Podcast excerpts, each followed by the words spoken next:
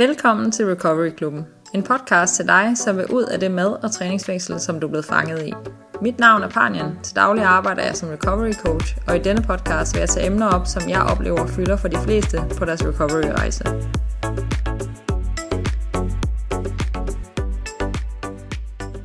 Velkommen til.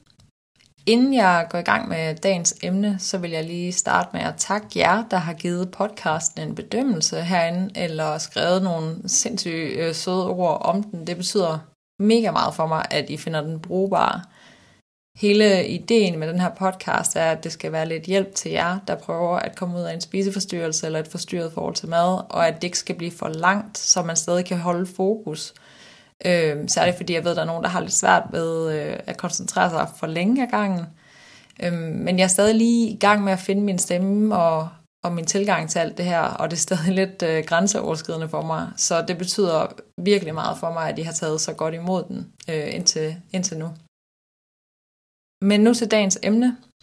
Spild af kalorier, eller det man nogen kalder øh, unødvendige kalorier, det er et emne, som jeg ofte støder på øh, hos mine klienter og også hos personer, som skriver til mig på Instagram.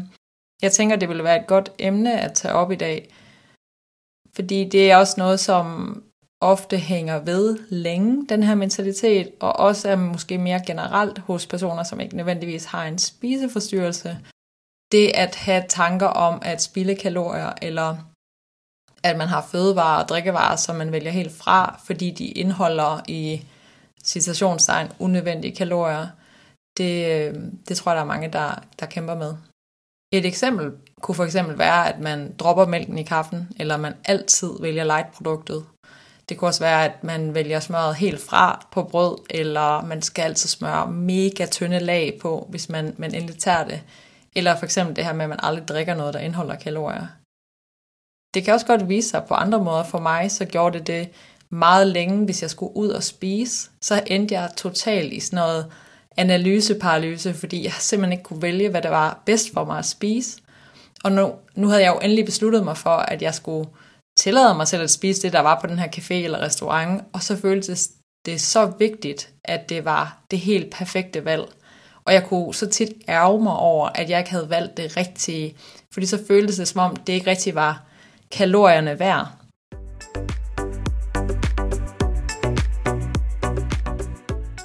Og nu kan det godt være, at du tænker, men der er jo også noget, der hedder præferencer. Og det øh, har du også helt ret i. Men det er egentlig lidt spændende at dykke ned i, hvad er en præference egentlig?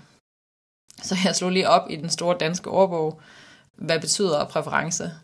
Og de, de beskriver det som en tilbøjelighed til at foretrække en bestemt valgmulighed frem for en anden eller andre. Og her synes jeg, der kommer et øh, ret stort og vigtigt spørgsmål. Hvorfor foretrækker du så det ene frem for det andet? Hvor har du lært det? For mig selv, så kan jeg jo se, at min spiseforstyrrelse varede måske i 14 år, hvor jeg var bevidst om, at den var der. Men når jeg ser tilbage, så kan jeg se adfærd og tankemønstre allerede fra dengang jeg var de der 9-10 år. Og måske endda endnu tidligere, hvis jeg skal være helt ærlig.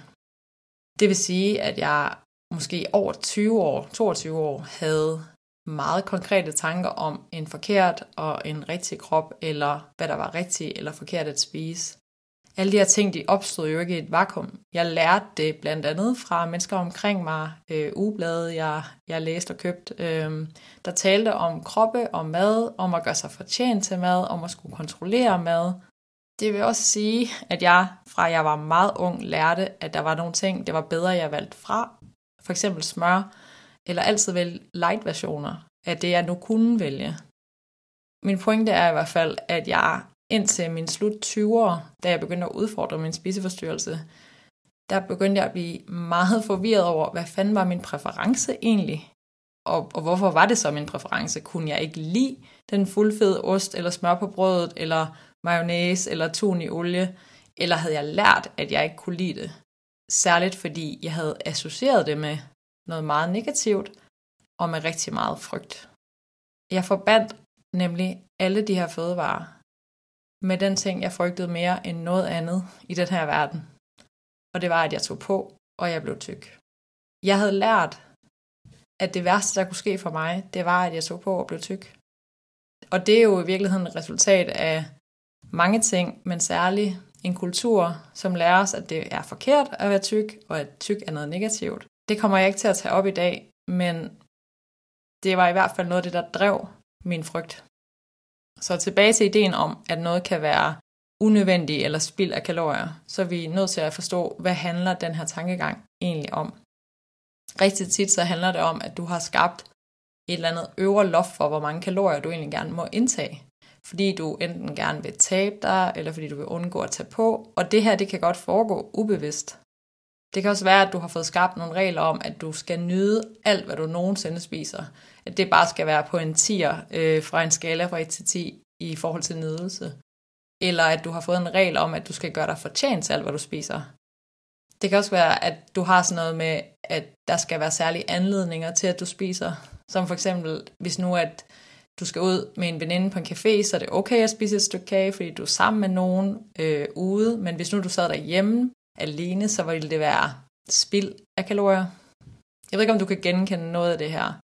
Jeg ser det rigtig ofte med mine klienter, og jeg havde selv længe det her problem.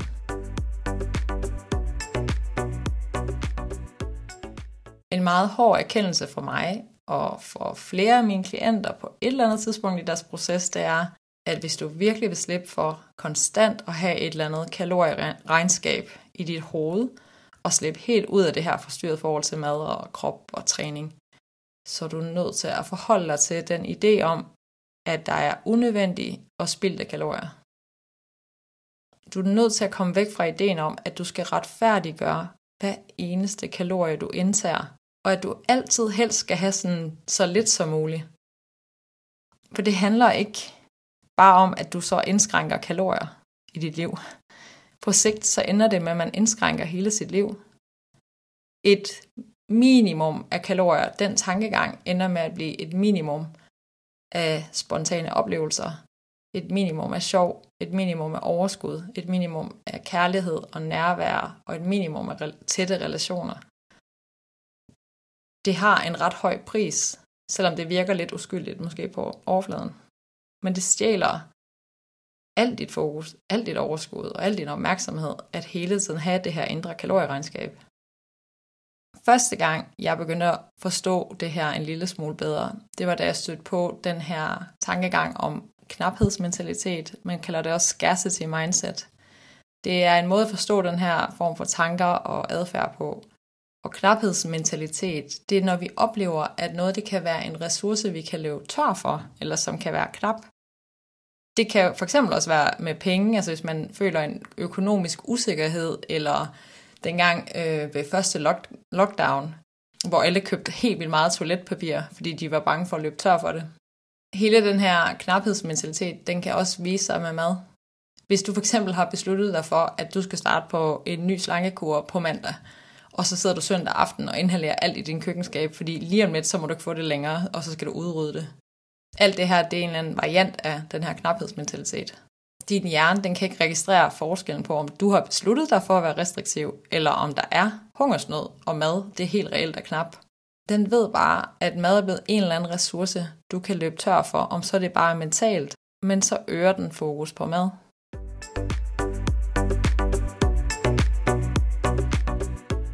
Og hvordan hænger det så sammen med de her unødvendige og spildte kalorier? Prøv lige at forestille dig, at du havde uendelige mængder af kalorier, du måtte spise. Du kunne spise lige, hvad du ville, når du ville, resten af dit liv. Og det havde ingen effekt på din vægt. Hvad vil du så stadig vælge fra? Hvad vil så styre din valg omkring mad? Det er vigtigt at finde ud af, hvad unødvendige og spildte kalorier det betyder helt specifikt for dig.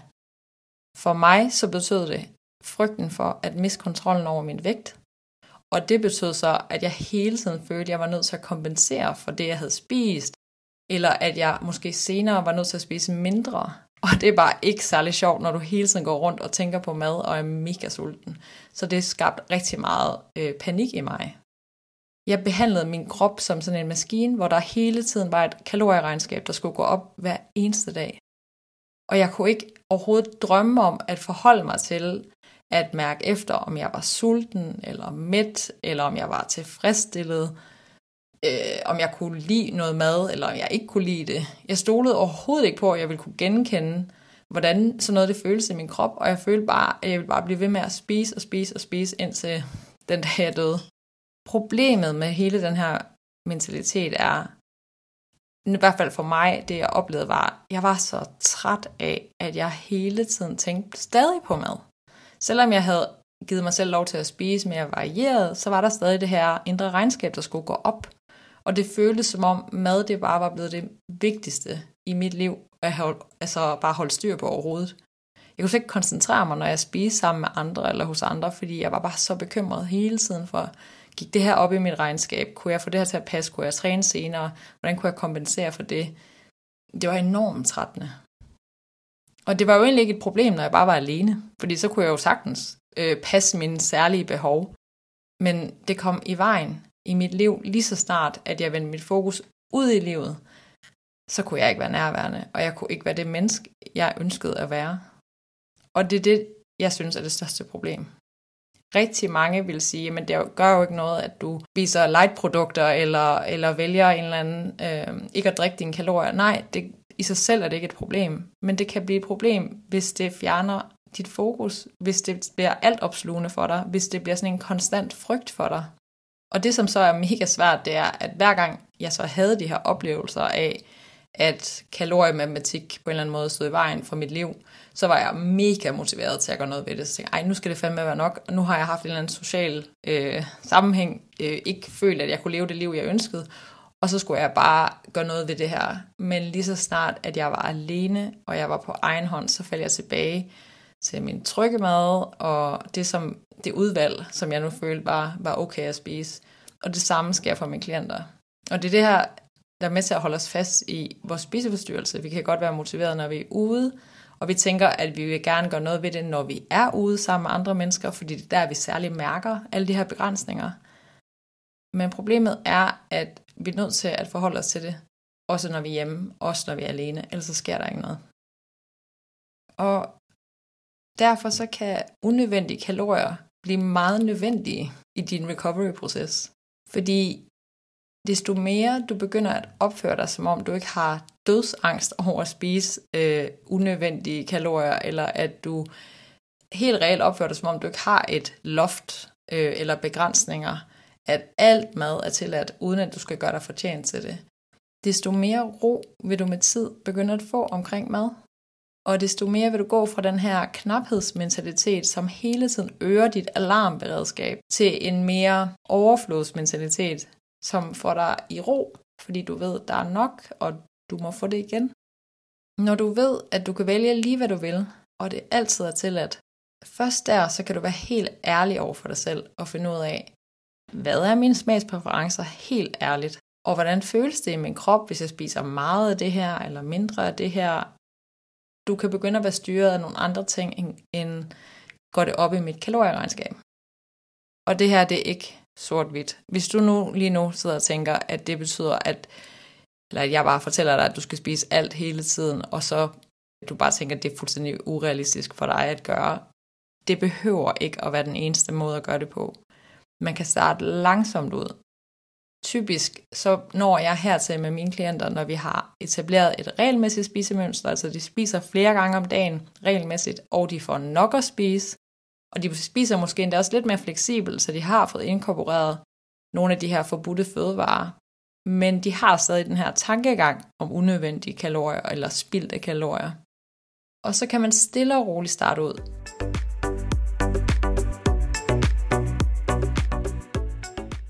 Så hvis du skal tage det her med efter den her podcast i dag, forhold dig til, har du en tendens til at tænke på unødvendige og spildte kalorier, og så start stille og roligt ud. Skriv ned, beslut dig for én ting, du gerne vil øve dig på at inkorporere, uden at kompensere på nogen anden måde, uden at du skal trække det fra et eller andet mad senere, eller uden at du skal gå den ekstra tur. Og det kan for eksempel være et eller andet med, at man vil udfordre at spise flere forskellige kulhydrater til et måltid, eller det kan være de her drikkekalorier, eller hvad end den her regel, du har. Og så planlæg, hvordan vil du helt konkret gøre det? Hvornår vil du starte? Hvor ofte skal du gøre det?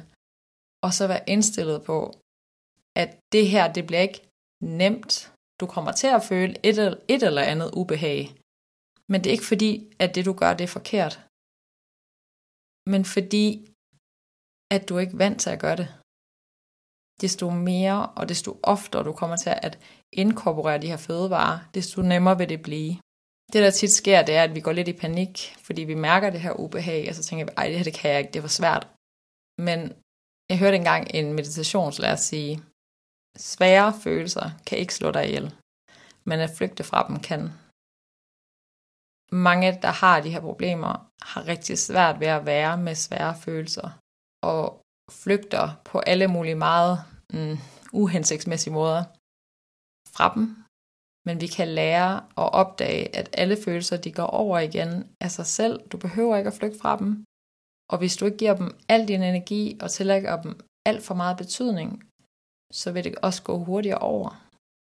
Jeg håber, at det her afsnit det øh, udfordrer lidt din tankegang om unødvendige kalorier, om de virkelig er så unødvendige.